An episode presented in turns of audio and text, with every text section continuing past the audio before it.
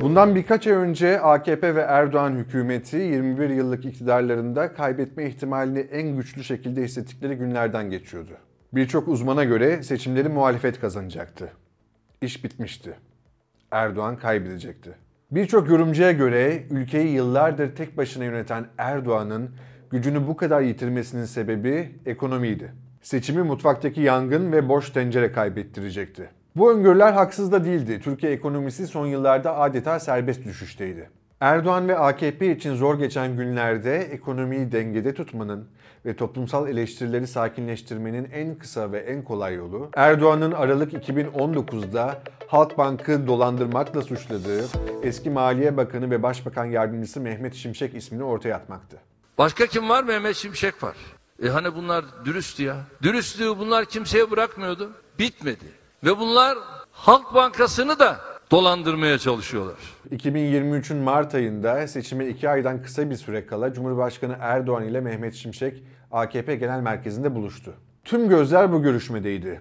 Şimşek'in bakanlık görevini üstlenmesi seçimdeki dengeleri değiştirebilirdi. Ama Şimşek hayır dedi. Görüşme sonrasında basına açıklama yapmadan ayrılan Şimşek hakkında AKP sözcüsü Ömer Çelik, Mehmet Şimşek aktif siyasette yer almayı düşünmüyor ama her türlü desteği verecek dedi. Birçok araştırmacının ve uzmanın öngörüsünün aksine 14-28 Mayıs seçimlerinde Cumhurbaşkanı Erdoğan hem başkanlığı kazandı hem meclis çoğunluğunu elde etti. Şimdi herkes için yeniden hesap yapma vaktiydi. Erdoğan'ın önünde iki seçenek vardı. Ya mevcut ekonomi yönetimiyle devam edip uçurumdan düşecekti ya da keskin bir dönüş yapacaktı. Pragmatik bir politikacı olmasıyla bilinen Erdoğan, ekonomide inat edilen yolun sonuna gelindiğini anladı ve ekonominin dümenini 5 yıl sonra tekrar Mehmet Şimşek'e verdi. Ekonomiye dair verilen mesaj Mehmet Şimşek ismiyle sınırlı kalmadı. Ekonomi camiasının sevdiği Cevdet Yılmaz yeni kabinede Cumhurbaşkanı yardımcısı oldu. Mehmet Şimşek 4 Haziran 2023 tarihinde görevi Nurettin Nebati'den devraldı. Nebati'nin ifadesiyle neoklasik ekonomi düşüncesinden epistemolojik bir kopuşu ifade eden heterodoks yaklaşım döneminin sona erdiğini yeni bakan Mehmet Şimşek ilk konuşmasında açıkladı. Önümüzdeki dönemde şeffaflık, tutarlılık, öngörülebilirlik ve uluslararası normlara uygunluk temel ilkelerimiz olacaktır. Türkiye'nin rasyonel bir zemine dönme dışında bir seçeneği kalmamıştır. Ekonomide yeni bir dönem başlıyordu. Değişim olacaktı, bu çok açıktı. Fakat herkesin aklında şu soru vardı. AKP mutfağında yetişen Şimşek söz konusu büyük değişimi Erdoğan'ın liderliğinde ne ölçüde gerçekleştirebilecekti? Bu sorunun yanıtını Şimşek'in görevdeki ilk 100 gününe bakarak bulmaya çalışacağız. Şimşek'in Hazine ve Maliye Bakanı olmasının ardından beklenildiği gibi Türkiye Cumhuriyeti Merkez Bankası Başkanı da değişti. Şahap Kavcıoğlu yerini Hafize Gaye Erkan'a bıraktı. İlk kadın Merkez Bankası Başkanı olması ve Erkan'ın profesyonel kariyer geçmişi piyasaları mutlu etse de Kavcıoğlu'nun Merkez Bankası'ndan alınıp BDDK'nın başına getirilmesi yeni dönemin hayal kırıklığı hanesine yazılan ilk gelişme oldu.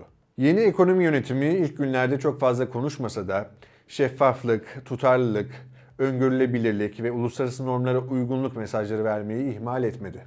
Merkez Bankası Başkanı Erkan'ın ilk ciddi sınavı 22 Haziran'daki Para Politikası Kurulu'nda açıklanacak politika faiziydi.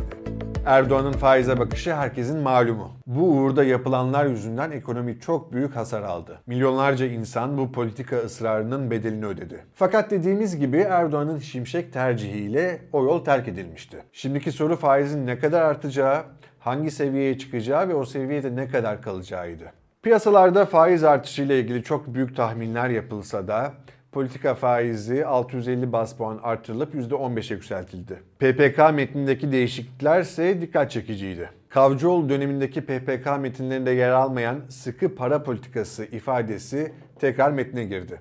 Öte yandan Erdoğan'ın faiz sebep, enflasyon neticedir tezine ters düşen ifadelere de yer verildi. Aynı günlerde çıkan kararnameler vasıtasıyla ufak rötuşlarla sadeleştirme adımları atılsa da ekonomideki genel tabloyu değiştirecek büyük hamleler henüz gelmemişti. Ekonomideki yeni ekibin ilk işi şüphesiz döviz bulmaktı. Dibe vuran döviz rezervleri, artan cari açık, vatandaşın döviz talebinden vazgeçmemesi yaz aylarında olmamıza rağmen durumu daha da kritik bir hale getirmişti. Cevdet Yılmaz ve Mehmet Şimşek soluğu Katar'da aldı.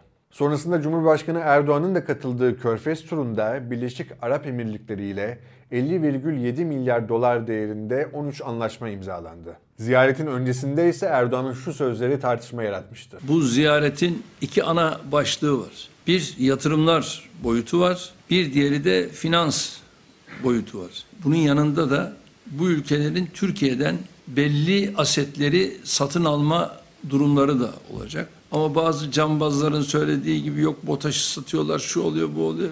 Böyle bir şey yok. Biz neyin satılacağını, neyin satılmayacağını çok iyi biliriz. 7 Temmuz sabahına uyandığımızda ise iğneden ipliğe birçok kaleme vergi zammı geldi. Bazı mal ve hizmetlere uygulanan %8'lik KDV %10 oldu. %18'lik KDV ise %20'ye yükseltildi. Vatandaş henüz bu zamların şokunu üzerinden atamadan bir vergi artışı da akaryakıta geldi. İlk zamları da akaryakıtta görüyoruz. Ve akaryakıtta ÖTV'ye dev zam geldi. Akaryakıta 3 günde 3 zam birden geldi. ÖTV artışı ile benzinin litresinde 2 lira 52 kuruş olan ÖTV yaklaşık 3 katına 7 lira 52 kuruşa, motorinde 2 lira 5 kuruş olan ÖTV ise tam 7 lira 5 kuruşa yükseltildi. Buna dolardaki yükseliş de eklenince akaryakıt fiyatları seçim öncesine göre iki katına çıktı. Bunları BDDK'nın kredi kartı taksitlerine ilişkin yaptığı düzenleme, ikinci konutu alanlar için kredi değer oranının düşürülmesi, hava yolları, seyahat acenteleri ve konaklama gibi yurt dışına ilişkin harcamaların taksitlendirilmemesi takip etti. Para ve maliye politikasında atılan adımlar önceki döneme göre doğru ve rasyonel adımlar olmakla birlikte var olan devasa sorunları çözmekten oldukça uzak, küçük ölçekli düzenlemelerdi.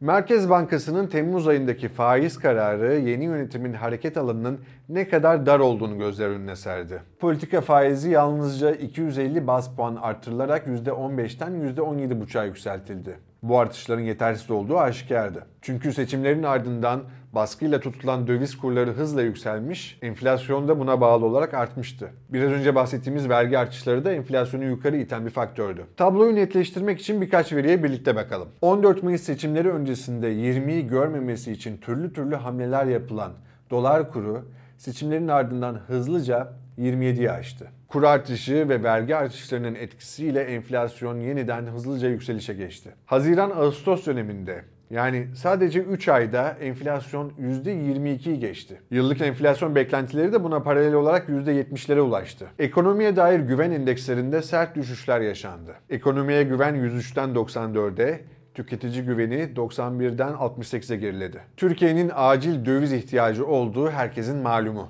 Uzunca süredir cari denge ve dış ticaret dengesi büyük açıklar veriyor. Yeni ekonomi yönetiminin attığı sıkılaştırma adımları neticesinde burada henüz bir düzelme görülmese de orta vadede görmek mümkün. İyi haberler de yok değil. Türkiye'nin geçtiğimiz yıl neredeyse bine varan risk primi CDS 400'ün altına geriledi. Mehmet Şimşek'in göreve gelmesiyle birlikte yabancı yatırımcı sınırlı olsa da ülkeye girmeye başladı. Borsa İstanbul'da yabancı yatırımcı son 11 yılın en uzun alım serisine imza attı. Merkez Bankası'nın brüt döviz rezervi de yükseldi. Ancak swap hariç net rezervler seçim öncesi döneme oldukça yakın seviyelerde. Dönelim tekrar Temmuz sonuna. Mehmet Şimşek'in görevdeki ilk 50 gününün sonuna geldiğimizde piyasaların Şimşek'e açtığı kredi yavaş yavaş tükeniyordu. Sadece eski döneme kıyasla görece iyi olmak yeterli değil, küçük adımlarla işleri yoluna koymak da mümkün değildi. Ortada ne kapsamlı bir kadro değişim vardı ne de açıklanmış bir program. Artık gözler Merkez Bankası Başkanı Gaye Erkan'ın 27 Temmuz'daki ilk enflasyon raporu sunumundaydı. Erkan ilk defa kamuoyu önünde kapsamlı bir değerlendirme yapacaktı. Ekonomistler ve uzmanlar Erkan'ın sunumunu Kavcıoğlu ile kıyaslanmayacak ölçüde başarılı buldu. Erkan, teknik yönden güçlü, daha gerçekçi hedefler içeren bir sunum yaptı. Gaye Erkan cevabı merak edilen bazı zor sorulara ise cevap vermedi. Erkan'ın sunumundan akıllarda kalan bölümlerse makro ihtiyati tedbirleri eleştirmesi ve optimizasyon kavramını tedavüle sokmasıydı. Şimşek'in göreve gelmesinden sonra piyasaları en çok umutlandıran gelişme 28 Temmuz günü yaşandı. Eski dönemin sembol isimlerinden olan ve hala Merkez Bankası Başkan Yardımcılığı görevini sürdüren Emrah Şener, Taha Çakmak ve Mustafa Duman görevden alındı. Yerlerine Osman Cevdet Akçay, Fatih Karahan ve Cumhurbaşkanı Başdanışmanı Hatice Karahan atandı. Piyasalar gidenleri ve gelenleri isim değişikliğinden ziyade daha çok bir zihniyet değişikliği olarak yorumladı. Merkez Bankası'ndaki bu değişimden sonra peşi sıra önemli adımlar atıldı.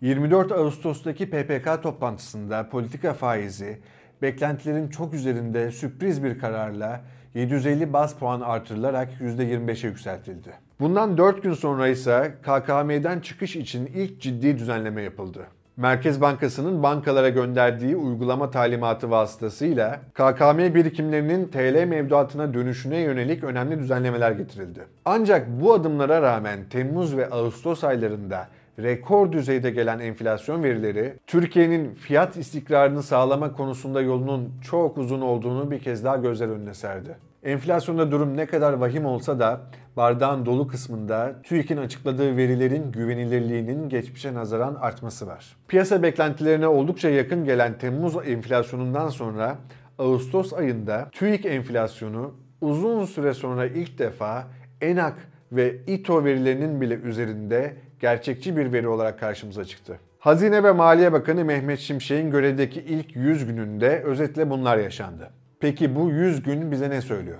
Öncelikle görünen o ki Berat Albayrak ve Nurettin Nebati dönemlerinin ekonomide yarattığı yıkım Cumhurbaşkanı Erdoğan tarafından da kabul edildi. Döviz ihtiyacı, yüksek enflasyon, sorunlu krediler gibi çözülmeyi bekleyen bir yığın sorun var. Bunların çözümü için ödenecek devasa fatura yavaş yavaş ortaya çıkıyor. İktidarın bugüne kadar yaptığı tercihler faturanın büyük bölümünün yine dar, orta ve sabit gelirlilere çıkacağını gösteriyor.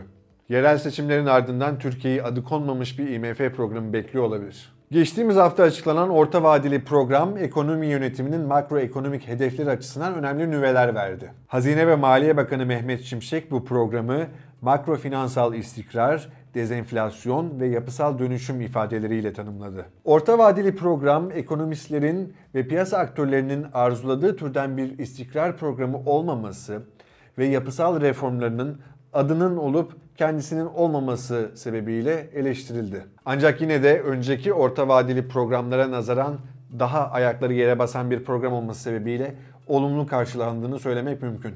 Ama tabii bu programın nasıl uygulanacağı esas belirleyici olacak. O yüzden ekonominin gidişatını öngörmek için yerel seçimlerin sonrasını beklememiz gerekiyor. Peki Türkiye'nin bu kadar vakti var mı? Maalesef yok. Yakın geçmişte yapılan onca yanlış sonrasında ne bekleyecek vakit var ne de daha fazla yapılacak fedakarlık. Mehmet Şimşek'in ilk 100 gününü anlattık. Hoşçakalın.